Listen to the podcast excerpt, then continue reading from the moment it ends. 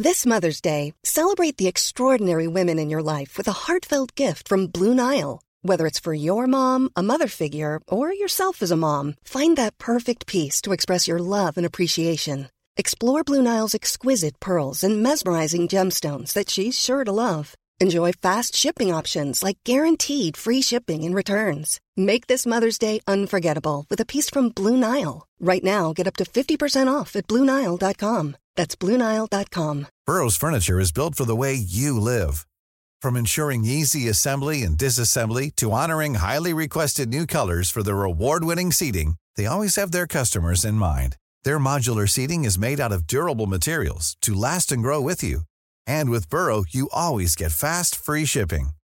Get up to 60% off during Burrow's Memorial Day sale at burrow.com slash ACAST. That's burrow.com slash ACAST. burrow.com slash ACAST. Hey there, it's Michelle Norris. I'm host of a podcast called Your Mama's Kitchen. When I travel, I'm usually looking for a way to find a taste of home when I'm not at home. And one of the things I love to do when I am at home is entertain. And Airbnb allows me to do that. When I was in California recently, I rented a house that had a great kitchen. And when we were sitting around the table, we're all thinking, we're in someone else's house. Someone could be in all of our homes as well. If you have a home, but you're not always at home, you have an Airbnb. Your home might be worth more than you think. Find out how much at airbnb.com/slash host.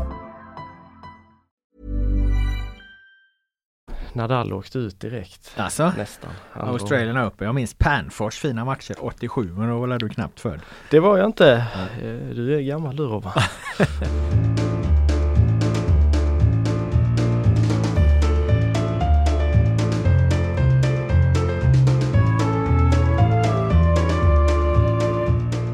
Hej och välkomna till GPs fotbollspodd som ännu så länge saknar ett namn men där vi diskuterar fotboll i allmänhet och fotbollen i väst i synnerhet.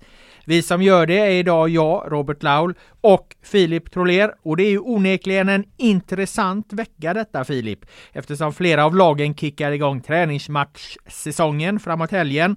Redan på fredag IFK Göteborg möter Degerfors, BK Häcken som spelar mot Norrby i Borås. På lördagen IF Elfsborg här har en intern match på Borås Arena och eh, samtidigt möter då eh, Elfsborgs damer IFK Göteborgs damer. Och då tar du ledigt igen Filip. Ja det gör jag faktiskt. Det är ordinarie schema så det är inte något att jag försöker fly här. Eh. Nej men vi eh, ska på lite handbolls-VM och sådär på fredagen. Eh, biljetter till det. Det var ju klart innan man visste att de skulle dra igång här Blåvitt Häcken.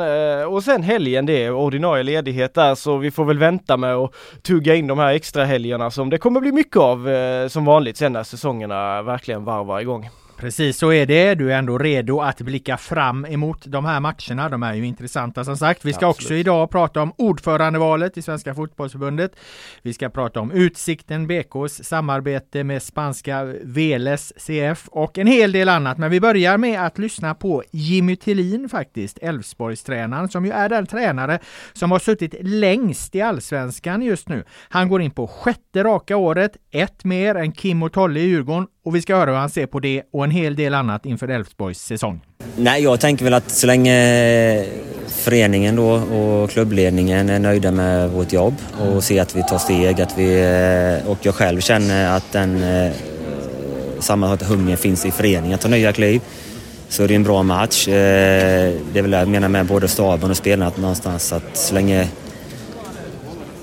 som tränare jag vi måste till tiden vara på tårna och utvecklas. Så länge den passionen finns så är det en väldigt, väldigt bra miljö i Fältsborg att vara i. Och eh, en väldigt driven förening och en innovativ förening. Så vi försöker hitta det. Och det är också att jag lär mig och kan också lära av mina kunskaper till föreningen. Så vi båda hållen. Så att, eh, det känns inte som sex år. Det gäller fem år men sjätte år. Det känns inte som, det känns som att eh, man nästan kom igår. För det händer grejer hela tiden och vi tar nya kliv i planerna framåt. Eh, så länge vi känner så, så, så förhoppningsvis och resultaten med oss kommer vi fortsätta. Eh, sen vet man ju aldrig den här branschen, men just att det känns väldigt stimulerande fortfarande och det tycker jag, och det ska man också tänka på själv då med våran stab och våra spelare att är man så länge så måste det hända grejer för att hålla kvar stimulansen då. Va? Ni har ju ändå, vad jag förstår, hela en stor bred trupp på plats direkt när säsongen börjar. Behöver inte vara ute och jaga eh, allt för mycket nyförvärv och sådana Nej, grejer. nej. Vad, vad innebär det ur ditt perspektiv tycker du?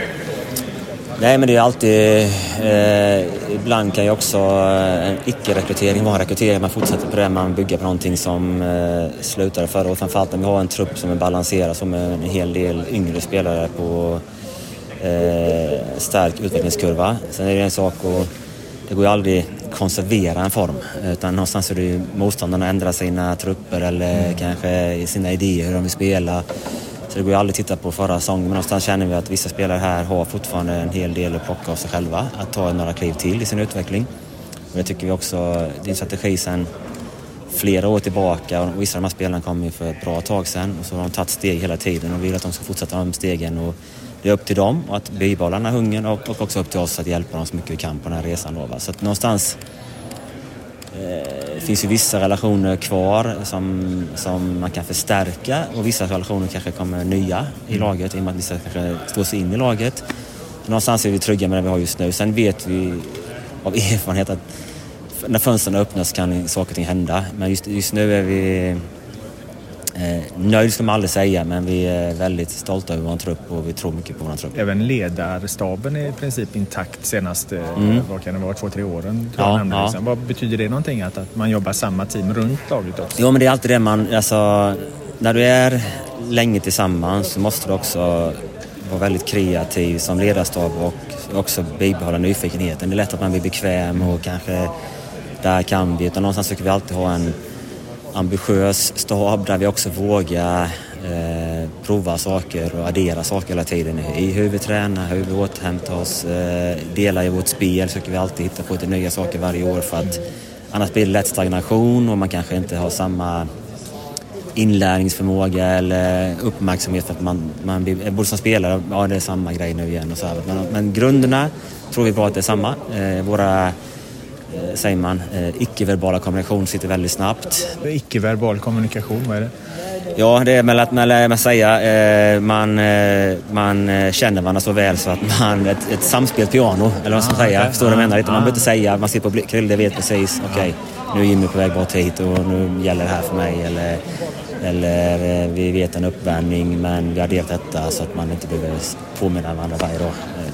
Konstigt uttryck kanske. Men Nej, men det var roligt. Eh, Du sa att ni har lite nya saker varje, varje år spelmässigt, eh, nämnde du här. Mm, pratade. Vad, vad, vad skulle du säga, eh, kan du ge ett exempel vad ni, vad, vad, ni gör nytt för Nej, men det, den här säsongen? Nej, men vissa delar är ju hur vi kommer pressa tror jag kommer ändras en del. Eller det kommer ändras en del för att vi känner att vi behöver skruva lite på som förra säsongen där. Eh, dels lite nya spelare, eh, kapaciteten på vissa spelare, vad de klarar. Eh, Är det att ni blir lägre eller att ni blir nej, vi vill eh, nog, tidigare? vi vill nog kanske behålla samma hö, höga utgångsläge men på annorlunda sätt egentligen. Och det kommer ställa mycket krav på våra spelare att eh, hantera det. Eh, men- Pressa inåt istället för utåt? Eller? det kan jag inte vara så än redan. Men kanske, framförallt också kanske lite olika på hur motståndarna spelar och givetvis vi kan komma åt och få hjälpa våra forwards och mittfältare att eh, hantera de här stora ytorna som blir när man går i press. Då.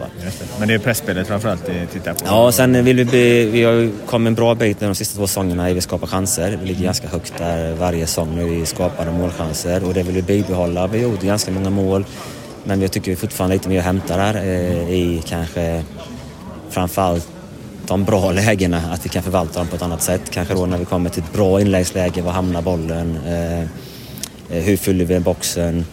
Ehm, så det är den i anfallsväg och sen i vissa delar i speluppbyggnaden då att vi kan eh, eh, kanske växla tempo lite tydligare ibland. Vi hamnar ibland kanske i ett tempo. Sen bygger det för snabbt ibland eller för långt. Men vi kan växla tempo där när vi hittar den fria spelaren. Då, va? Någonstans bygga på de här sakerna. Mycket av det finns redan men det går alltid att göra det bättre och mer precis. Det är väl det vi försöker jobba med. Just det. Utan att avslöja detaljerna i det här pressspelet du pratar om, är det, vad, vad ska det ge er konkret? Är det att ni ska kunna stå högre med backlinje eller är det... Eller vad, Ja, vad det är väl just det som är ett, eh, det, det, det, vi kommer testa att ta ett, vi känner väl ibland att vi hamnar i, eh, framförallt kanske vissa delar av företaget, vi hamnar lite i ett, ska man säga, lite för stora ytor tillräckligt på fel ställen kan man säga. Det vill täppa till på ett annat sätt detta året då. Så kan man säga. Ja. Under den här tiden har ju eh, Elfsborgs ekonomi växt eh, väldigt mycket. Nu tror jag, tror jag senaste siffrorna är att man är uppe på ett eget kapital någonstans 80-100 miljoner. Mm. Omsättningen är, är hög. Vad, vad, vad innebär det för dig att vara i en förhållandevis rik fotbollsklubb? Nej, men det är väl en del av det jobbet vi gör tillsammans. Att vi hade ju en väldigt tydlig plan 2018. Det var, som, det började, det var en tuff situation för, mm. för alla och vi, vi hade en... Det, det är roligt ibland när man gör en plan och förändras efter tiden. Ofta så går det inte alltid de går i lås men någonstans har vi hittat en linje där vi har vågat tro på den resan vi skulle göra med att eh, hitta ett sätt att få fram de här unga spelarna och komma tillbaka lite till det och skapa ett kapital av att hålla en grundstabilitet med våra eh, duktiga sponsorer och allt runt omkring och alla där men också kunna addera någonting mer i en kontinuerlig spelar inte, ja, ändamålet är ju inte egentligen att sälja fast det blir ju det ändå på något sätt. Vi vill ju få någon som slår här och sen gå iväg. Och, den, och scouta liksom noggrant att passa in för helst då för en mindre peng och sen sälja för en större peng och få ett netto då. Va? Så någonstans så den resan vi gjort tillsammans det har ju varit väldigt stimulerande och väldigt givande. Mm. Sen att det blir ett resultat av det, det, det är också väldigt positivt givetvis då. I, för att eh, någonstans så över tid så det, det, går inte att göra, leva på en stor, vi måste hitta ett sätt som fungerar för vårat kontext som IF Elfsborg är för klubb. Vilken, vilken storlek har vi? Man kan ju fortfarande vara en toppklubb, sen det finns ju storlek på klubbar också. Och ofta behöver man storleken, men då måste vi, kan inte vi tänka att ja, ja, vi kommer aldrig... Nej, men hur gör vi för att vara så stora vi kan vara och hur duktiga på det? Någon som är...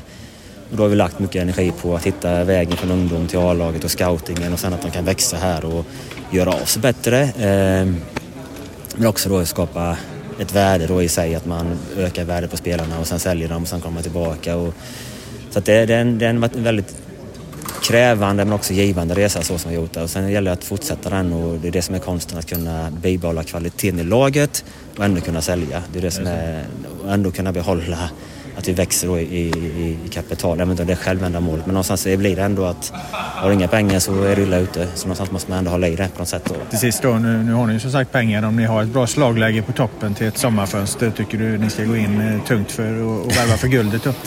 Ja, hade det varit så enkelt att det bara räckte att göra så ibland så... Eh, så eh, ibland träffar man rätt givetvis men någonstans så tror jag vi ska hålla en linje vi har och sen hittar vi rätt läge. Stefan har ju ett starkt kontaktnät och vi har vissa idéer men det är svårt att planera just det fönstret men jag tror att hittar vi rätt och ibland, eh, ibland ska man inte köpa för köpandets skull heller. För det kan också bli väldigt kostsamt över tid också för man skriver ännu kontrakt då. Va? Så någonstans vill vi oftast, sen kommer vi alltid göra fel eller någon, någon gång har vi tur. Men ha en idé vad vi vill göra så att eh, den frågan får vi ta då. Okay. Tack så mycket Jimmy. Tack själv. Lycka till i år. Ja, kul, kul att se dig igen. Elfsborg går sin egen väg. De har ju under Thelins fem säsonger byggt upp ett kapital på närmare 80 80 miljoner kronor, ett eget kapital och eh, räknar man in senaste försäljningarna som har eh, skett under 2023 så talar vi om närmare 100 miljoner kronor i eget kapital. Är du imponerad av Thelins arbete i Elfsborg, Filip? Eh, jag är ruskigt imponerad av Tellins Thelins arbete i Elfsborg. Och jag är väl eh, väldigt imponerad av Elfsborg som klubb, hur de arbetar väldigt tydligt och metodiskt. Och jag har suttit och hyllat något tidigare poddavsnitt här för mig just deras, hur långt fram de ligger hela tiden när det, när det kommer till att ersätta spelare som då lämnar. Och så säljer man dem, ofta lyckas de få rätt så bra betalt också, vilket det här ändå indikerar. Men just också det här hur man hela tiden håller flödet igång Det känns som att många klubbar, de snackar mycket om att åh, vi tittar på spelare hela tiden sådär. Men sen när det väl brinner till och två nyckelspelare försvinner så känns det lite panik i leden och ofta att ersättarna inte blir så bra och det, det blir ekonomiskt kanske inte så lyckat alltid i Elfsborgs fall så känns det som att det bara, det bara slussar liksom, det bara fortsätter och fortsätter och fortsätter. Så eh, jag är eh, väldigt imponerad av, av Thelin och av eh, Elfsborg. Ja. ja, alltså de har ju någonstans knäckt koden kan man ju säga. För att jag menar det där är det ju eviga dilemmat om man är en, en förening i, i, som allsvenskan som ju måste vara en säljande liga. Man måste sälja spelare. Då är det precis som du säger och som Thelin också eh, pratar om. Hur tappar man så lite sportslig slagstyrka som möjligt? Där? Alltså det är ju det, är ju det alla jobbar med egentligen. Men mm. frågan är om liksom inte Elfsborg Eh, Eh, även om de inte har bäst resultat så, så frågan om inte Elfsborg liksom sett till var de befinner sig i näringskedjan är de som är allra skickligast på det. Jo, det, jag kan köpa den synpunkten absolut. Jag tycker eh, de är eh, återigen, de, de är kloka och de är förberedda. Förberedelse det är liksom A och O och sen eh, också får man ju säga att, en, en, att det är möjligt att de har lyckats med det här. Det är ju också kontinuitet eh, som vi ofta snackar väldigt mycket om och i många andra klubbar, jag skulle säga i säkert eh, 12-13 allsvenska klubbar av 16 så hade Jimmy Tillin inte fått sitta kvar. I höstas när Elfsborg hade det blåsigt. Men Stefan Andreasson och gänget valde att tro på honom och de har sin modell och är trygga i det och de vet också om att eh, det, det är liksom inte spikrakt sportsligt hela tiden. Sen nu inför den här säsongen, vi pratade om det lite i förra avsnittet, att, att Elfsborg är ett av de lagen som man känner känns väldigt spännande, väldigt eh, färdiga på något sätt. Så eh, Ja, nej det, är det är mycket lovord här nu men det, det förtjänar de. Så är det ju. Och, och Thelin har ju lite från ingenstans blivit någon, någon eh, liksom institution här i Allsvenskan helt plötsligt. Han går in på sjätte raka året. Ja. Alltså det är ganska ovanligt att sitta så länge. Det är inte så många som kommer upp i de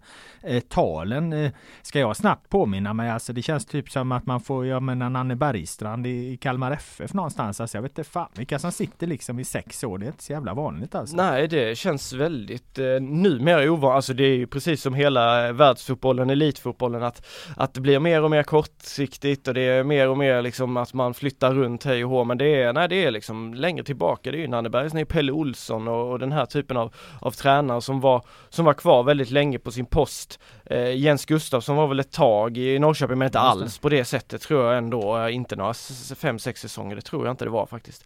Eh, så det är intressant och jag tror återigen det är också en eh, smart grej att man eh, håller i en tränare. Sen ska det ju alltid vara de där att det finns det missnöje i spelartrupp och för, förtroende för sånt, då ska man ju naturligtvis liksom se över det och, och, kanske göra en förändring. Men i grund och botten så är det väldigt bra och, och Jimmy verkar ju också vara väldigt uppskattad. Jag var ju och träffade Jesper Karlsson där höstas när jag var nere i Holland och han, eh, alltså han öser ju lo lovord över Thelin hela tiden. Han ville inte uttala sig så jättemycket då om vad han tyckte om de skulle ha kvar eller inte men det gick ju väldigt tydligt mellan raderna och förstå att, att han tyckte han skulle vara kvar och individuellt eh, verkar han ju vara väldigt duktig på att utveckla spelare och få dem att få liksom ut sitt, sitt max på något sätt på en allsvensk nivå.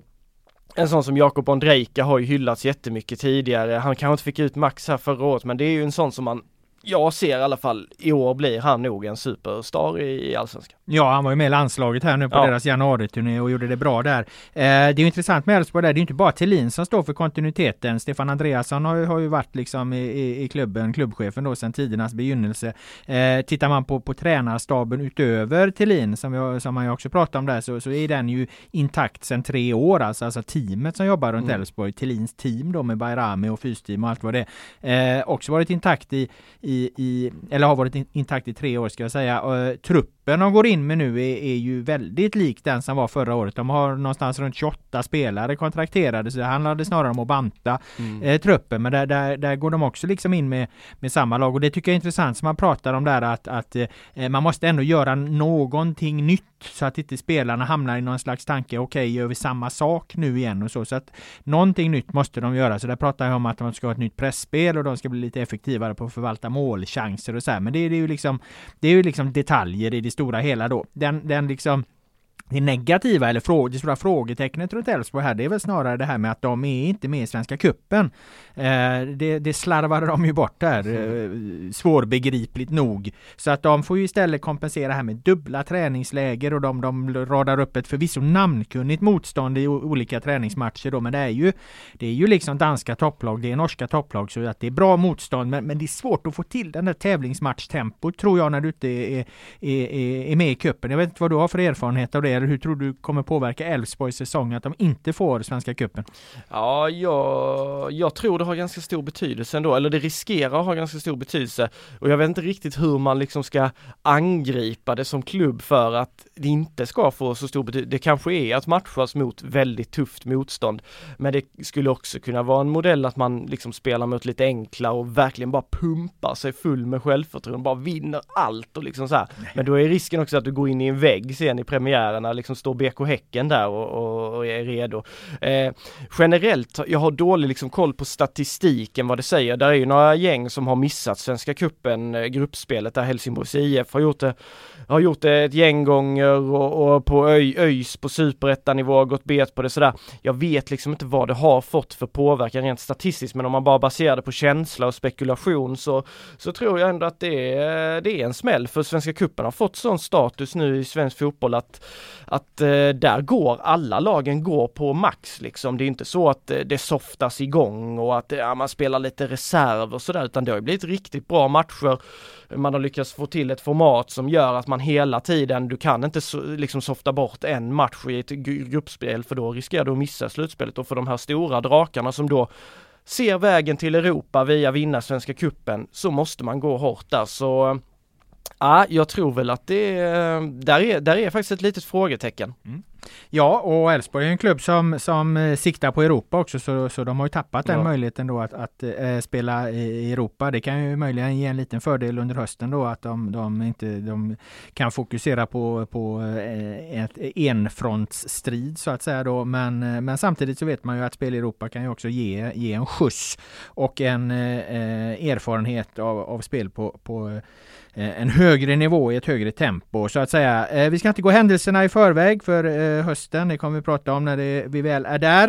Eh, däremot eh, föranledde eller ledde du in mig lite på en, på en fin radioövergång där Filip, när du nämnde premiärmotståndaren Häcken. Och jag tänkte att vi ska kasta oss över till BK Häcken och regerande mästarna. Jag var nämligen nere på deras träning här i veckan och där blev en bombmatta av nyheter skulle jag säga. eh, dels bekräftade då sportchefen eh, Martin Eriksson att det fanns ett bud på Alexander Jeremejeff, ett utländskt bud. Eh, det kanske inte är den största eller mest överraskande av nyheter. Eh, däremot tolkar jag ju detta som att de nu bekräfta det här och göra en, en, en liksom publik sak av detta att Jeremejeff är definitivt förlorad eh, för Häcken. Kanske trodde ingen något annat men, men så ser det ju av allt att döma ut att bli nu då att det bara är en tidsfråga innan han lämnar. Eh, dels var där en skada som såg rätt otäck ut som jag valt att inte skriva om ännu utifrån när det här spelas in men det kommer väl att rapporteras inom kort så fort vi får svar på det. Eh, och sen var det två provspelare på plats då. Albin Skoglund, eh, mittfältare från Utsiktens BK och Kwasi Poko, eh, vänsterback och kanadensisk U21-landslagsman från Forge FC. Om du berättar om Skoglund så kan jag ta Poku. Det känns som en fair uppdelning. ja, jag anade det för du har ju full koll på och följt honom i Utsikten. Ja, nej men då var det ju, vi skrev ju häromdagen också att Albin var på, på gång där dit och han står ju utan kontrakt med Utsikten nu efter att ha gjort en eh, helt fantastisk säsong i, i Superettan faktiskt. Albin Skoglund har ju varit lite ända sedan han kom, kom fram där i Häcken, lyckades inte slå sig fram riktigt. Sen har han flackat runt av att Varberg, varit Ljungskile, det har varit ÖIS på något lån och sådär. Eh, han har ju hittat hem i Utsikten. Bosko har ju byggt sitt system väldigt mycket faktiskt eh, efter Albin Skoglund till och med. Man kör det här 3-5-2 där Skoglund är en liten spets på mittfältet och den rollen, eh, där är han eh, suverän alltså. Eh, han går mellan mittfältet mittfält och anfall hela tiden. Och han gjorde sex mål, fem assist i, i superettan eh, 20 2022, eh, vilket gjorde honom till Utsiktens bästa poänggörare och en av Superettans eh, främre poänggörare. Eh, och det har varit väldigt många klubbar som jag vet att J Söder var väldigt intresserad av honom eh, ett, ett tag in, innan jul där. Jag vet att ÖIS har hört sig för, jag vet att, eh, att Örebro har hört sig för. Eh, men nu är Häcken, eh, visar ju också att de tycker han är intressant, tar tillbaka honom här. Jag fattade som att han skulle vara där i typ två veckor och testa lite grann. jag har hört att Albin själv är eh, väldigt sugen på allsvenskan. Han är ju ändå 25 nu, så det här kanske är lite hans chans. Samtidigt så är det ju något helt annat att komma till BK Häcken mot att ha en liksom skräddarsydd roll i Utsikten. Så han hade nog kunnat vara kvar och vara ännu bättre i Utsikten. Men samtidigt en jäkla grej att få liksom komma till svenska mästarna sådär, även om han inte kommer bli någon bärande spelare liksom. Det är ju konkurrens med typ Mikkel Rygaard. Liksom. Jag skulle precis ja. komma in på det när du kallar honom suverän där. Vad ska vi kalla då den han ska konkurrera ja, med där, Mikkel ja, Rygaard? Världsklass. nej men nästan. Nej men eh, det är ju det är klart att Rygaard är ju, alltså det är ju, Albin Skoglund kan ju naturligtvis inte peta Rygaard. Han kan ju inte ens ge Rygaard en riktig match. Men han skulle absolut kunna vara ett vettigt alternativ tror jag att ha i en trupp när man möter BP hemma, Degerfors hemma, eh, den typen av motstånd. Då tror jag, om Rygaard behöver vilas lite, det är ju ändå Champions League. Ja, för de räknar ju med att spela 50 matcher, Ja, eh. Häcken här då om allt går som de ska. Om de går liksom till Champions League då i bästa fall eller Europa League eller kanske mer troligt då eh, Europa Conference League, ECL där och med kuppen och allting. Maximalt kan det bli runt 50 matcher då. Ska du då Rygaard är ju ändå över 30 så han spelar ju inga 50 matcher Nej. kanske. Och, och, men, men du behöver liksom, som, precis som du är inne på, eh, en, en, en spelare som passar väldigt bra i den rollen. Mm. Det har de inte riktigt haft så, eller de hade inte det 2022 utan där, där tog de ju mer in andra mittfältstyper när, när Rygaard inte var med. Eh, Romeo spelar ju och så här och Friberg i någon match och så men det, det är ju inga tior liksom. Nej. Som jag förstår på dig då, din bild av Skoglund är ju att han är med en mer renodlad liksom tia där. Ja, det, det tycker jag. Där är han liksom som bäst. Sen kan han ju spela spets, han kan till och med spela lite kant. Han är väldigt liksom flexibel så, men han är ju verkligen som bäst där och som du säger, den spelaren bakom Rygaard, det finns ju faktiskt inte riktigt i truppen. Ali Josef är ju mer kantspelare, Sana är också bättre när han utgår från kant. Beni går ju där uppe eller på kant liksom. Så eh, så sett så hade det ju varit en klok förstärkning av Häcken och jag tror inte att Albin Skoglund med tanke på den form och kvalitet han ändå har och hade i fjol skulle göra bort sig i Allsvenskan. Eh, intressant. Eh, eh Kwasi Poko då, den andra provspelaren Häcken har här i, i veckan. Eh, han är ju då en eh, vänsterback. Som sagt, eh, kanadensare. Eh, han, eh, han kan även användas, eh, fick jag till mig, som eh, eh, mitt, innermittfältare. Han är alltså väldigt bolltrygg, en bolltrygg ytterback. Eh, det har ju ryktats lite om spelare ut från Häcken och då har ju då bland annat eh, varit snack om Kristoffer Lund så det är möjligt att det finns någon Mm. tanke där också. Eh, jag tror det är lite för tidigt att säga någonting om, om den här Pokos eh, eh, kvaliteter i en, i en allsvensk kontext eller, eh, eller i en Häcken-kontext. Däremot så finns det ganska intressant sidoinformation kring det här då och det är ju här är ju liksom att Kanada är på väg att växa fram som en eh, eh, ny marknad för allsvenska lag. Eh, efter deras fina insats i VM bland annat, även om de åkte ut i gruppspelet och så här så såg man att det fanns väldigt mycket talang i det här kanadensiska laget. Det satsas väldigt, väldigt mycket på fotbollen i Kanada nu med tanke på att de arrangerar VM 2026 ihop med USA och Mexiko. 2019 så startades den nya eh, proffsligan upp, eh, Canadian Premier League. Eh, och där är just det här laget då Forge FC, de är regerande mästare. De har för övrigt vunnit tre av fyra titlar. Och vi ska höra lite kort där vad Häckens sportchef Martin Eriksson säger om den här eh, nya marknaden. Ja, som vi har tittat lite på under, under hösten och det är väl också att se. Både lära känna eh, honom som spelare och se och sen så tycker vi väl också att, att det är en intressant marknad som vi också lite vill se och, och eh, är bra att jämföra lite på, på nära håll. Det är alltid bra att se spelarna här på plats. Så det är en ung, ung spelare från Torontos eh, eh, akademi från början. Kanadensiska ligan är ganska ny utifrån att de ska ha VM här så att den, eh, det finns ju ett antal lag, vad är det, tre lag, MLS. Men sen har de ju också nu startat sedan något år tillbaks eh, deras egna proffsliga. Just det. Så att den är från Forge FC. Han, ja, så att det är väl också att se eh, lite grann eh, nivån där. Eh, och, och lite hur... Eh, ja, det är en intressant profil som vi vill se närmare på. Kan man också liksom stämma. För ibland är det svårt också att värdera, även när man ser vilken, liksom, om man jämför med vår, vår liga. Men då är det den första spelaren ni provar därifrån? Ja, man säga då? det är det. det, är det. Har vi sett ett par. Det har varit en transfer till Malmö och en transfer väl till Värnamo. va? Så att eh, så, så ser fotbollsvärlden ut. Det blir ju nya länder hela tiden. Just det. De hade väl... början på en ny trend vi ser här då.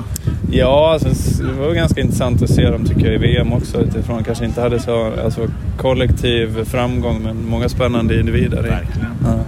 Så att, eh, Försvarsspelet som svajar lite. Ja, Men lite. offensivt såg de jävligt Väldigt frejdiga ut. Ja, men precis. Så att det är väl att hitta liksom... en- Det är, jag tycker det är intressant att hitta olika, olika typer, olika balans som kan bidra med olika saker. Ja, vad säger du Filip? Låter det intressant? Både Malmö FF här strax innan jul värvar ju en kanadensare. IFK Värnamo har gjort klart med en kanadensare. Nu har BK Häcken då en kanadensisk spelare eh, på prov. Eh, vi ser, en, eh, vi ser de allsvenska klubbarna liksom känna lite på den här nya marknaden och, och kanske en liten trend då med, med, med att vi får se fler kanadensiska fotbollsspelare i svensk fotboll. Ja det hade man kanske inte en tanke på för fem år sedan eller någonting. Det är ju hockeyimporter som ska komma därifrån liksom. Det är ju fan inte fotbollsspelare. Men som jag säger, eh, som du sa där om VM. Kanada visst de åkte ut men det var ju helt fantastiskt. Vilken modig, häftig fotboll de spelade. Det var ju det charmigaste laget kanske i hela mästerskapet. Eh, och då, då, i laget så såg man ju där, det var många yngre spelare, mycket talang och det är klart att det satsas ju stenhårt där. Och jag tycker eh, det låter jäkligt spännande med den här marknaden för man kan ju tänka sig att i alla fall jämfört med en rad europeiska nationer så måste det vara mycket billigare därifrån. Nordamerika, en annan kontinent, det är Sverige liksom, det är väl en bra väg in till den europeiska fotbollen. Så jag skulle inte alls bli förvånad om det här blir lite trend. Sen vet jag liksom inte ekonomi, hur dyrt det är att hämta spelare, så här, hur bra pröjs har de och sådär, det har jag för dålig koll på men, mm. men spontant så känns det ju ändå som en litet spännande fönster, liksom det är ett jätteland Kanada också, det måste ju finnas oändligt liksom eh, om de satsar på fotbollen där så känns det som att förutsättningarna för att de ska ta fram många unga kvalitativa spelare borde vara bra. Ja, precis så är det och det vet, tror jag inte det är riktigt eh, då att, att uh, svenska lagen heller vet exakt de här nivåerna som du pratar om. Uh, den här Kwasi Poko då, han är ju kontrakterad så där kommer det ju bli en förhandling om en övergångssumma och så. Men det, det, det är väl just det liksom det handlar om när man närmar sig en ny en marknad. Liksom, vilka nivåer håller de, håller de egentligen spelarna här? Vad är värt att betala för dem? Och så vidare och så vidare. just när det gäller kanadensiska spelare, jag är ju så gammal så att jag minns ju när Atiba Hutchinson en gång i tiden blev klar för typ Öster och sen hamnade fan jag också. Och hamnade typ i, i Helsingborg och jag menar den jäveln lirar ju fortfarande. Han var ju, han är väl typ strax under 50. Han var ju också med i, ja, var, i, i fotbolls-VM. Han hängde ju dock inte riktigt med när Luka Modric och Kroatien vred upp tempot där på centralt mittfält. alltså. Men det var coolt att se han, fan man hade glömt bort Atiba Hutchinson alltså. Men, men jag minns, eh, fan man var inte gammal, eller jag var inte gammal när han var här och lirade liksom. Det var ju när man var kanske 10, 12, 14 eller någonting. Och så kommer han och glider in i VM 2022 två liksom så här, still going strong. Men han var, eh, tyckte ändå han såg rätt eh, fin ut i första matchen där men sen var det ju lite kämpigt med, med, med tempot och sådär. Men det är ju, ja, det är ju intressant i alla fall med, med, med det här fönstret och det ska bli spännande att följa om det kan liksom bli lite, lite så flöde därifrån. Ja, eh, Atiba Hutchinson får vi nog inte se VM 2026 mm. dock. Eh, ja, mycket svårt att tro. Eh, häcken Hur såg han ut då? Får jag bara flika in det. Ja. Hur såg han ut? Eh, ja, jag, jag, måste, jag måste erkänna att jag lokaliserade honom ganska sent ja. under den här träningen så att jag, eh, jag, Det är lite för tidigt för mig att göra den bedömningen utifrån, utifrån vad jag såg på, på den här korta tidens eh, spelövning. Det riskerar att bli mer, mer eh, missvisande än, än korrekt. Däremot så, så finns det ju då som sagt den här eh, träningsmatchen på eh, fredag mm. mot Norrby som eh, träningsmatchpremiären då Häckens. Ehm, eh, det var inte, när jag var där nere på träning så var det inte helt klart om han skulle spela eller inte. Men eftersom han precis som Albin Skoglund är här nu under två veckor så, så verkar det konstigt att inte liksom kasta ut honom i match. Det, det, det är väl rimligen det man det de borde göra. De borde spela både Albin Skoglund och, och, eh, och Kwasi Poko då för att, att få få se dem även i, i matchmiljö. Det är väl eh, någonstans det kanske man är mest intresserad av eh, när det gäller Häcken eh, inför den här träningsmatchpremiären. För, för i övrigt så vet man ju ungefär vad man kommer få. Ja, det kommer väl då möjligen vara ifall Jeremejeff hinner lämna och de ska mm. in en ny, en, en ny eh, forward där. Men det vet inte fan om det blir en intern lösning. Det måste du kanske bli kortsiktigt men, men över tid så måste de ju förmodligen handla in en, en, en ny tung anfallsvärvning. Ja, det har väl varit, har det inte varit lite rykten där om någon eh, Vidra eller han, eh, vad hette han, någon polack eller någonting. Mm. Men det var innan jul där, jag vet inte om det är aktuellt längre. Jag har dålig koll på det faktiskt. Men Apropå det... det vi pratade om Elfsborg förut, jag menar de har ju nästan vetat eh, att det med väldigt stor sannolikhet kommer bli så att eh, Jeremejeff försvinner så det skulle väl inte alls vara omöjligt om de redan har ett spår Nej. som dyker upp någon gång tidigare och sen aktiveras när det väl händer så att säga. Mm. Sen har de ju Blair Turgott som gjorde fan en bra höst alltså kanske inte i Jeremejeff rollen så utan var väl mer lite inhoppa och lite ytter och sådär. Men eh, och sen också, det är jag spänd på, Benny Traoré. Hur mår han liksom? Jag såg att han var igång där i någon träningsmatch mot Utsikten efter säsongen nu i, i höstas och gjorde något mål där men det ska ju vara ganska så intressant att se hans status för han var väl typ liksom tilltänkt före Jeremejeff där eh, länge i alla fall. Eh, så Ja, och han är ju med och tränar och kör Mm. för fullt och, och det är väl mycket, mycket troligt till exempel att, att, att han spelar en sån här match Ja. nu då alldeles oavsett om hinner, hinner, göra, hinner sälja Jeremejeff eh, eller inte. Är det något annat du är nyfiken på i, i, i Häcken inför deras eh, träningsmatchpremiär här? Något som dyker upp? Nej men det är väl just de där jag nämnde. Sen Oskar Uddenäs ser jag lite också hur han ska angripa den här säsongen så suverän under våren och sen så ganska iskall eller ja iskall under, under hösten. Se vad han kommer in i den här säsongen med för, för skjuts liksom. Eh, Jag trodde, jag stod och kollade på deras, de gjorde det här jojo beep-testet som Ja. vi kallar det. Jojo-test heter det nu när man ska springa mellan två linjer på innan det piper. Eh, som man ju har kört i alla tider det här jävla Mm. testet. Ja, det gör de alla. ju fortfarande. Såg att du skrev om det i ÖIS också ja, där. de, Eh, Uddenäs, han, han såg otroligt stark ut i början. Jag, hade jag liksom hade gått och betta på det där, hade jag lagt mina pengar på Uddenäs liksom. Men han föll ändå av ganska tidigt där. Istället var det ju då den här William Nilsson, en, en eh, osnuten junior, tillika son till IFK Göteborg-legendaren Mikael Nilsson då. Han, han är ju han är ju liksom lärling då, eller på väg upp från juniorlaget i Häcken. Var ju med och gjorde något inhopp i fjol i, i A-laget borta mot Varberg var det väl. Eh, men han eh, var ju den som höll ut längst. Han kom upp i nivå om jag minns rätt nu, nivå 24. Jag vet inte om det säger det någonting, men enligt fys, eh, fysgänget där i Häcken så var det riktigt bra att komma upp i niv nivå 24. Så att det, det, han är stark fysiskt den här Nilsson. ja det tror jag, jag om jag minns rätt så tror jag ÖISarna stannade på 22 någonting eller någon, Ja, då ligger de ett par steg Ja, ovanför där. Men sen eh, där Daniel Paulsson, han var ju vansinnig, han vann ju för ÖIS där, han var ju vansinnig på fystränaren för han sa, ja men nu räcker det här liksom. Ja, han ville fortsätta, Ja, Paulsson. Polle ville fortsätta. Han, fan, jag hade fler sträckor i mig sa han, men de andra föll som käglor. Sen, sen tror jag det här, det är inte säkert att upplägg, det finns ju lite olika upplägg på de här beep-testerna också, så det, vi ska inte dra för stora växlar av det. Men det låter som att han är stark, eh, konditionsstark. Det var väl hans farsa också, har Ja. jag för mig i alla fall. Absolut, och även eh, den här då Skoglund, Albin där, han var ju också med, med ganska länge i, Mm. i, i, i racet då, precis som Romeo då, Häcken, eh, mittfältaren där. Men, eh, men Uddenäs eh, föll bort eh, tidigare än jag trodde. Jag tyckte han såg så jävla fin ut i steget bara, men han gick in i väggen. Ja men det är vissa, de fan de går ut för hårt.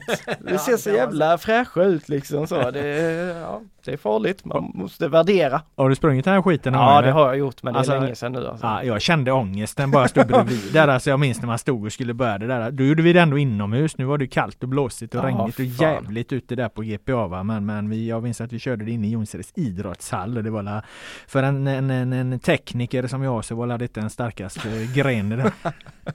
Du föll av först eller? Ja, i alla fall i, i, i, bland de första. Eh, skitsamma. Eh, samma fredag då som eh, eh, Häcken kliver in i eh, sin eh, träningsmatchpremiär mot Norrby i Borås. Så spelar ju IFK Göteborg mot Degerfors eh, IF. De har ju lagt de här matcherna i princip samtidigt av någon outgrundlig an- anledning.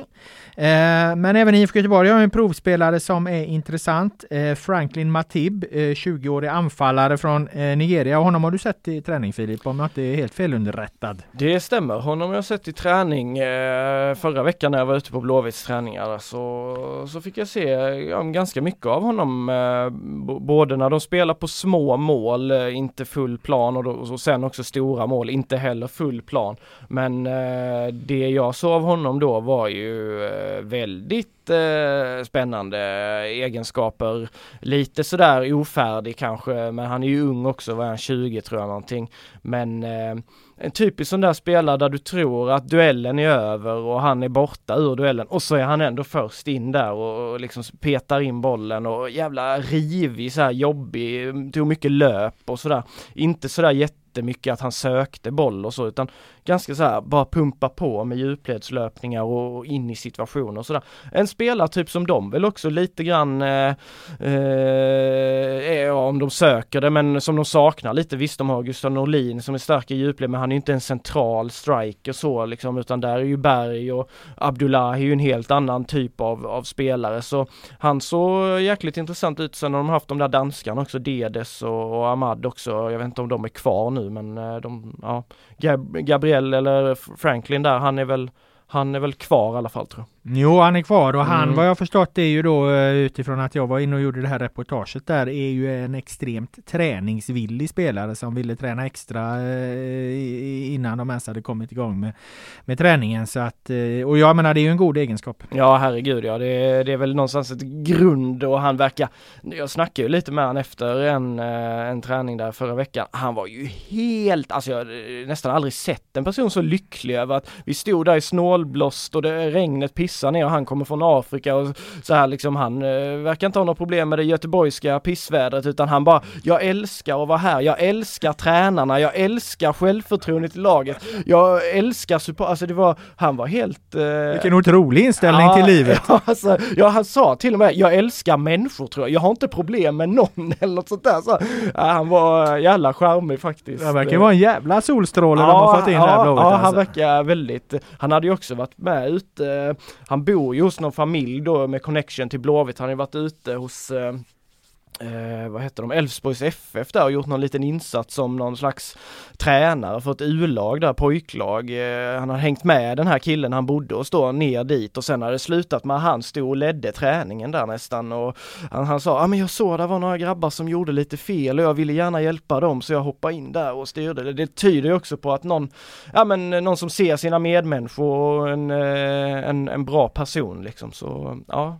vi får se om han landar eller inte men Blåvitt verkar eh, imponerad också. Ja, det är intressant då för att då är ju det en sak som går att vara ganska så nyfiken på inför eh, träningsmatchpremiären mot, eh, mot eh, Degerfors där om, eh, om, om det blir speltid för honom. Jag vart ju lite sugen på att se speltid för, från Linus Karlstrand då i och med att Marcus Berg är ju inte med i de här matcherna. Nej. Han, han, han, han vill ju hålla nere sina konstgrästimmar som han uttryckte det när, när jag pratade med honom så att han, han kliver inte på något konstgräs på Vallala här i onödan utan han kommer till Marbella sen när de, eller till Torrevieja där när de åker dit i början av, av februari. Men då finns det ju lite alternativ då i, i anfallet där. Bland annat den här då provspelaren eh, eh, Matib där och eh, Linus Karlstrand och, och sen vet jag inte om, vad, vad heter han nu, den, eh, han som har varit skadad där? Abdullahi ja, precis, Sulle. Ja, precis, som han liksom är, är spelklar här men, men eh, ja. Det Ja men det, han var ju med fullt ut på den träningen eh, där förra torsdagen då som jag var och så.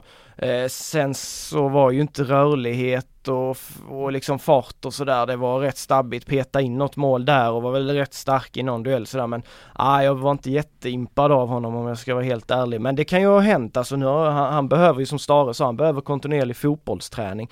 Så det är väl inte omöjligt att han skulle kunna få några minuter men jag har väl svårt att se att de kastar in han från start liksom. Det känns ju mer som att det blir eh, Franklin eller, eller Karlstrand längst upp, det vore logiskt eh, så. Ja, annars är det ju faktiskt ovanligt, eh, eh eller ska bli ovanligt spännande att se det här i IFK Göteborg nu utifrån då hur de liksom har, har eh, eh, profilerat sig inför den här säsongen. Alltså hur kommer den här då eh, nya 4-2-3-1 formationen fungera? Hur mycket involveras Elias Hagen i spelet nu när de har sagt att de ska kunna anfalla via, via mitten?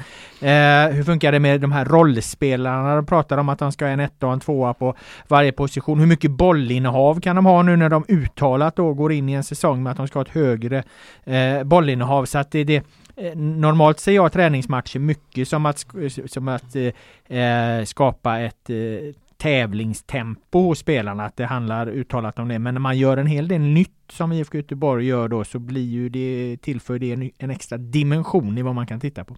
Ja, om vi då jämför med Häcken där man kanske, som du sa, där, där vet vi kanske lite vad vi får för grunder. Med Blåvitt, med Blåvitt vet vi inte riktigt det nu, för det var ju ganska drastiska förändringar som Stare pratade med dig om i, i det reportaget du gjorde där uppifrån Kamratgården. Och liksom en ambition att ha 60% bollinnehav. Det är ju liksom en helt annan typ av fotboll än vad de presenterade eller presterade förra året och har gjort under Stare hittills.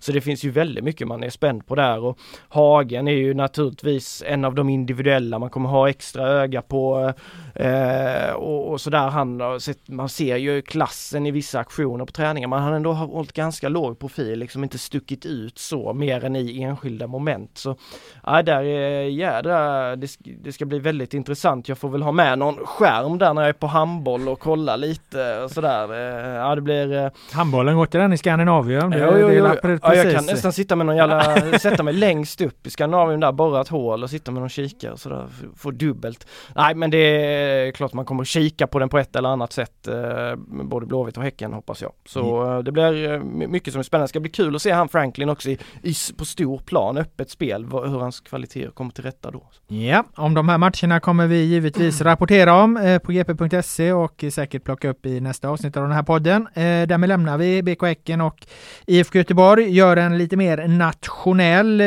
utblick eller vad vi ska kalla det för att i veckan så kom ju nyheten här att eh, åtta kandidater till att efterträda Svenska fotbollsförbundets ordförande Karl-Erik Nilsson på årsmötet 25 mars har blivit tre.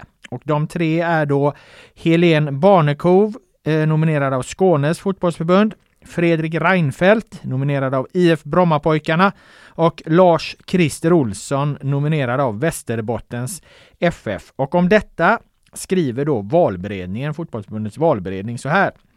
Utifrån kravprofil, intervjuer med nominerade kandidater och intervjuer med nyckelpersoner inom fotbollsrörelsen har valberedningen enats om följande tre huvudkandidater. Valberedningen anser vid en samlad bedömning utifrån olika perspektiv att huvudkandidaterna är bäst lämpade för fotbollsrörelsen, fotbollsrörelsen att ta ställning till. Dessa tre kommer att presenteras vid kandidatpresentation via Teams den 24 januari i syfte att ge valberedningen ytterligare underlag för sitt vidare arbete. Inbjudan kommer separat till röstberättigade. Tiden för presentation och frågor är satt till 45 minuter per kandidat. Så här ska alltså då, nu citerar jag inte längre, utan nu vänder jag mig till dig Filip. Här ska alltså då Reinfeldt, den gamle statsministern, sitta och svara på frågor från svenska fotbollsrörelsen om vad han, hur han liksom vill, vill hantera svensk fotboll som som eh, ordförande. Det är ju lite, lite så speciell situation. Ja, det är det ju verkligen. Det, det känns lite Ja lite sjukt, liksom den mäktigaste vi har i vårt land för ett, eh, ett gäng år sedan och sen så, så sitter han här på någon, eh, så, även fall det är naturligtvis ett eh, prestigefyllt och stort uppdrag att leda liksom svensk fotboll. Det är den yttersta liksom höjdan där men det är absolut, det känns väldigt, men det ska bli jävligt intressant. Jag vet inte om det är jag som är dåligt påläst eller om det eh, inte har var, varit så mycket om det men jag liksom har inte fått någon riktig bild vad de här kandidaterna liksom, vad står de för, vad vill de, vad är deras grej liksom. Nej, det, du leder ju mig in precis på det jag skulle fortsätta eh, på här då. Att jag menar, alla vet ju Reinfeldts bakgrund för detta statsminister som du, som du nämner. Han är styrelseproffs, numera sitter i en rad styrelser. Mm. Det, detsamma gäller ju den här Helene Barnekow då som är ju ekonom i grunden och varit VD för Telia Sverige och, och Microsoft Sverige i, i närtid. Men, men ganska korta, eller vad man ska kalla det, uppdrag eh, båda där hon lämnar de jobben efter ett par tre, fyra år. Nu är hon konsult då för ett eh, norskt bolag och sitter som sagt i ett gäng eh, eh styrelser. Men varken hon, eh, Barnekow eller Reinfeldt har ju någon eh, djupare förankring inom fotbollen och har ju egentligen inte sagt någonting i något sammanhang.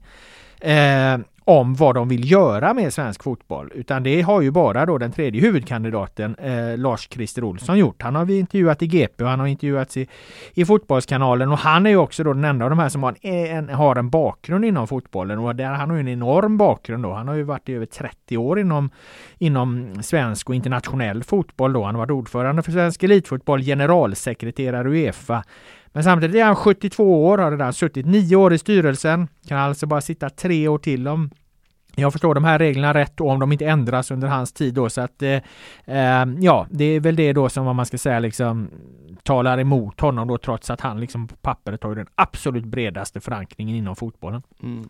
Han känns ju spontant liksom som det det, vad ska vi säga, trygga eller safe valet liksom och, och jag, jag, vet, nu ska man kanske inte uttala sig innan man vet riktigt vad Reinfeldt och, och Barnekow så står för men, men han känns väl kanske som den givna kandidaten, han som är lämpad liksom utan att det kan bli he, hela havet stormar som man eh, spontant känner att det skulle kunna bli under någon av de andra två. Men eh, det får vi väl återkomma till. Eh, eh hur som helst Reinfeldt, nej det är ju, ja, han är djurgårdare liksom, man har sett han på lite matcher och sådär men det, det, är ju aldrig, det har ju aldrig varit fotbollsfrågor för de här två personerna så det är klart att det, ja, det känns lite som ett blankt eh, papper. Liksom.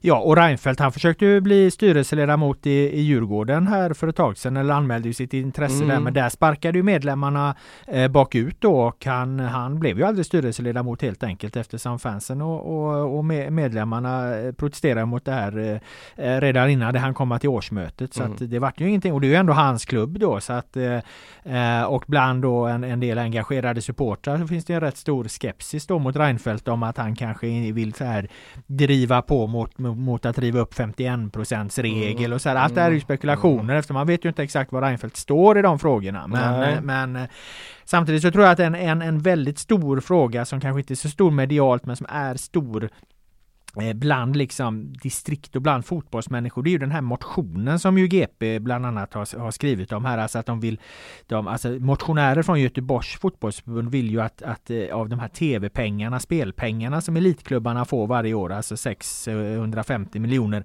att mer ska sippra neråt då. I, i, som det är nu så går det bara en och en halv miljon ner till division 1, 2 och 3. Eh, Medan de pratar om att någonstans runt 150 miljoner då skulle, skulle skulle gå ner varje år. Det är liksom en, det är en revolution om det blir så.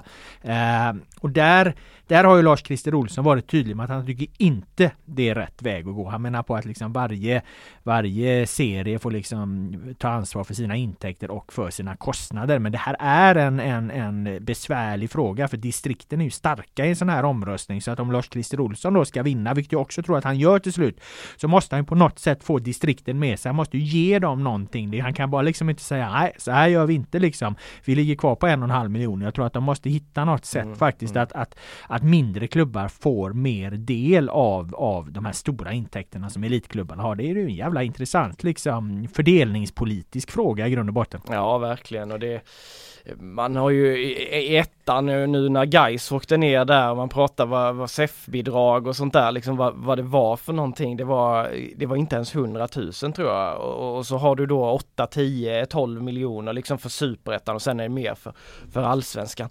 Eh, så, så, det är klart att det, det är ju eh, otroligt vilken väg väljer man där och det har ju pratats mycket om att division 1 att man hade velat liksom professionalisera den lite grann liksom ytterligare komma lite närmare närmare för just nu blir ju glappet väldigt stort när det är resursfråga. Samtidigt så, ja, jag köper ju lite hur Lars Christer också ser på det där och eh, det är en jävla svår fråga alltså. Jag vet inte, men han kanske, man, lite mer skulle de väl kanske kunna få liksom, men 150 mille, det känns ju, ja men det känns ju som du säger, det hade ju varit en revolution ja. liksom. Jag vet inte vad din, vad du tänker om det så eller? Nej, alltså det, det, det, alltså demokrati är ju intressant för att jag menar är det tillräckligt många som tycker att det ska gå 150 ja. miljoner till de här scenerna så går det ju att driva igenom. Ja, det, det, det, det, det, liksom, så länge vi har en demokratisk rörelse så skulle alla distrikten ställa sig bakom den här motionen liksom så, så så, så, så kan det ju faktiskt bli så. Det är det som är intressant. Men, men samtidigt så in, kommer det innebära, det,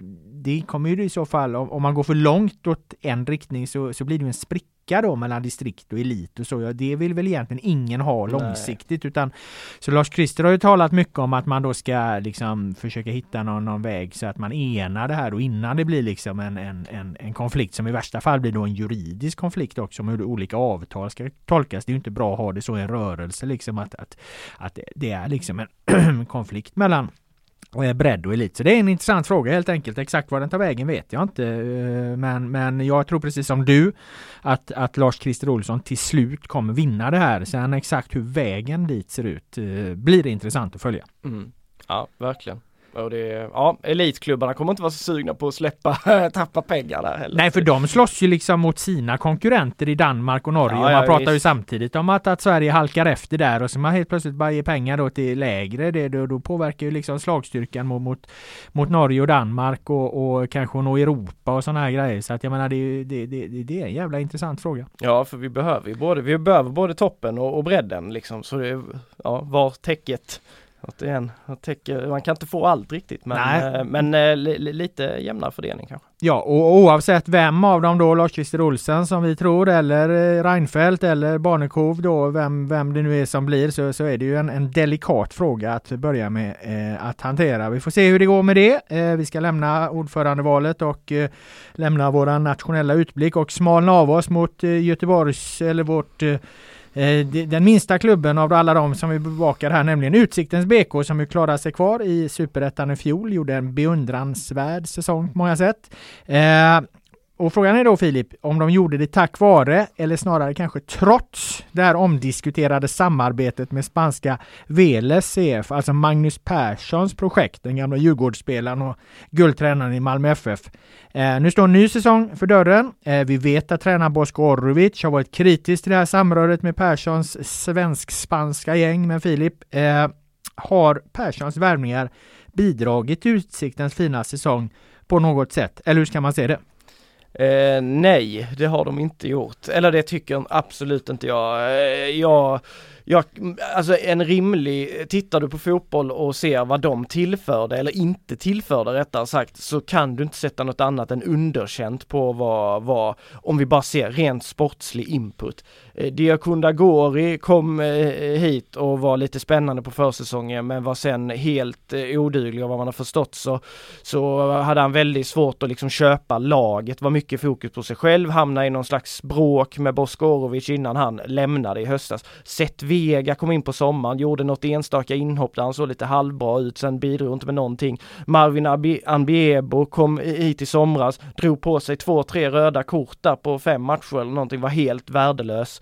Ehm, David och Vori, han kunde knappt slå ett inlägg sa de eh, från, från, utsikten liksom. Och sen så har vi då eh, lite andra, eh, vad jag har förstått, som de har scoutat spelare och sådär, där de också har ansvar för rekryteringar. Som liksom spelare som tillför något överhuvudtaget. Nej, målvakten Ja, Florian, Palvo, Florian Palmowski, när Johan Brattberg, liksom kanske superettans bästa målvakt under hela våren skulle ersättas, så kom då Palmowski. Och det är vad jag har hört i alla fall, det var scoutat av eh, Veles-gänget. Eh, han skulle vara en perfekt målvakt att få in här. Han var eh, en av de sämsta målvakter jag någonsin har sett i en superettan-miljö. eh, ja men det är helt... helt Starka ord! Ja jag vet men det är helt... För, ja det var så bedrövligt vissa matcher alltså.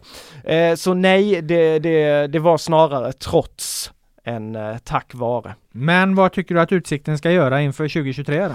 Eh, jag tycker att, eh, det sa jag redan i höstas, jag tycker man ska lita på sin egen liksom förmåga och den egna kunskapen. Ingmar Lundin har slitit med Utsikten i en herrans massa år och, och har väl ändå bevisat sig att de har kunnat hitta spelare som har fått ett jäkla lyft i Utsikten som de själva har löst. Bosko med hans kontaktnät och erfarenhet han har, alltså kom igen, ta kanske liksom tillsätt, försök skapa en tjänst till då om det blir för mycket på Bosko och Ingmar då liksom.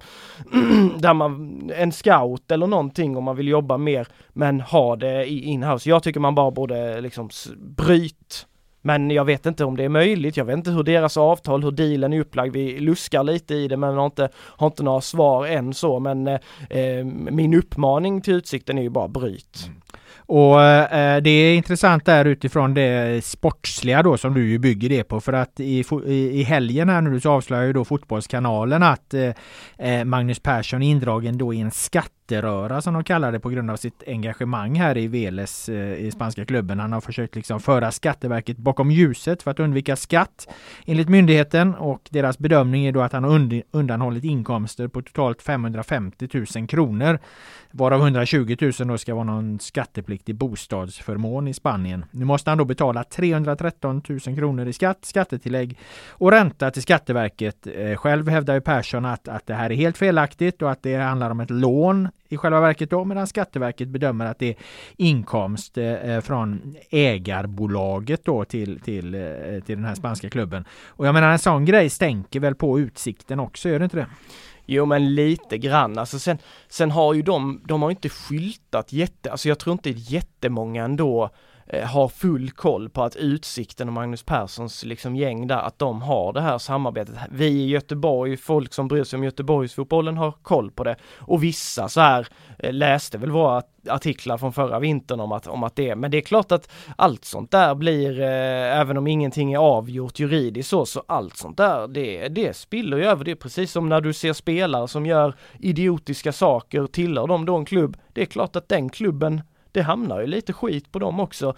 Eh, sen huruvida det är rätt eller fel att man ska tänka så men här har ju Utsikten liksom ett samarbete med dem. De kan ju utan att veta exakta avtal så har de ju ändå möjlighet på eh, ett eller annat sätt att, eh, att bryta och när det inte har funnits någon sportslig effekt, detta dyker upp dessutom vad är det som motiverar liksom? Och som jag har sagt till dig många gånger tidigare, jag är jävla skeptisk till alla de här uppläggen när man jobbar med externa hit och dit liksom.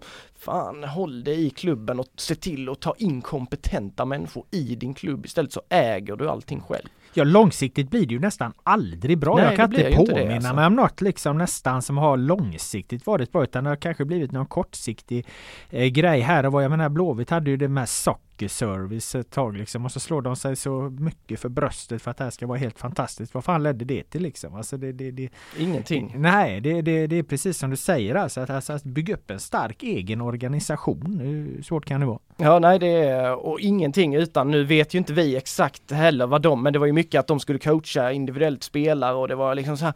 Men det blir ju ofta mest alltså rörigt. Det blir ju rörigt och att man liksom, det blir dubbla budskap i många fall också. Ta nu här Boska har velat ha det på ett sätt. Han har ju fan inte använt de här spanjorerna heller liksom mer än när han har varit tvungen typ.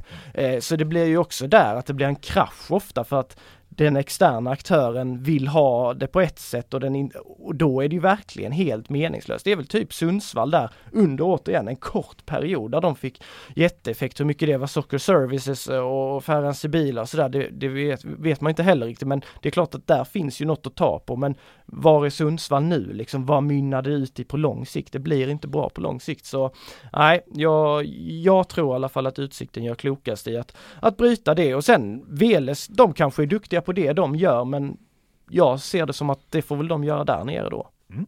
Eh, kloka slutord där från Filip eh, Troler. Eh, om du inte har något mer eh, så tackar jag dig för dina som vanligt intressanta eh, inspel och en utmärkt lägesbild kring eh, allt eh, runt fotbollen i väst.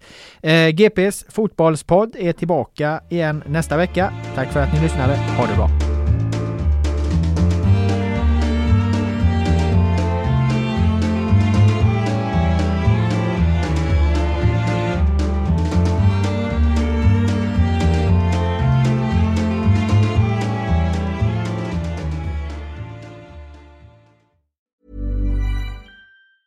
Normally, being a little extra might be a bit much, but not when it comes to healthcare. That's why United Healthcare's Health Protector Guard fixed indemnity insurance plans, underwritten by Golden Rule Insurance Company, supplement your primary plan so you manage out of pocket costs. Learn more at uh1.com. Imagine the softest sheets you've ever felt. Now imagine them getting even softer over time. That's what you'll feel with Bowl and Branch's organic cotton sheets. In a recent customer survey, 96% replied that Bowl and Branch sheets get softer with every wash. Start getting your best night's sleep in these sheets that get softer and softer for years to come. Try their sheets with a 30-night guarantee. Plus, get 15% off your first order at bowlandbranch.com. Code BUTTERY. Exclusions apply. See site for details.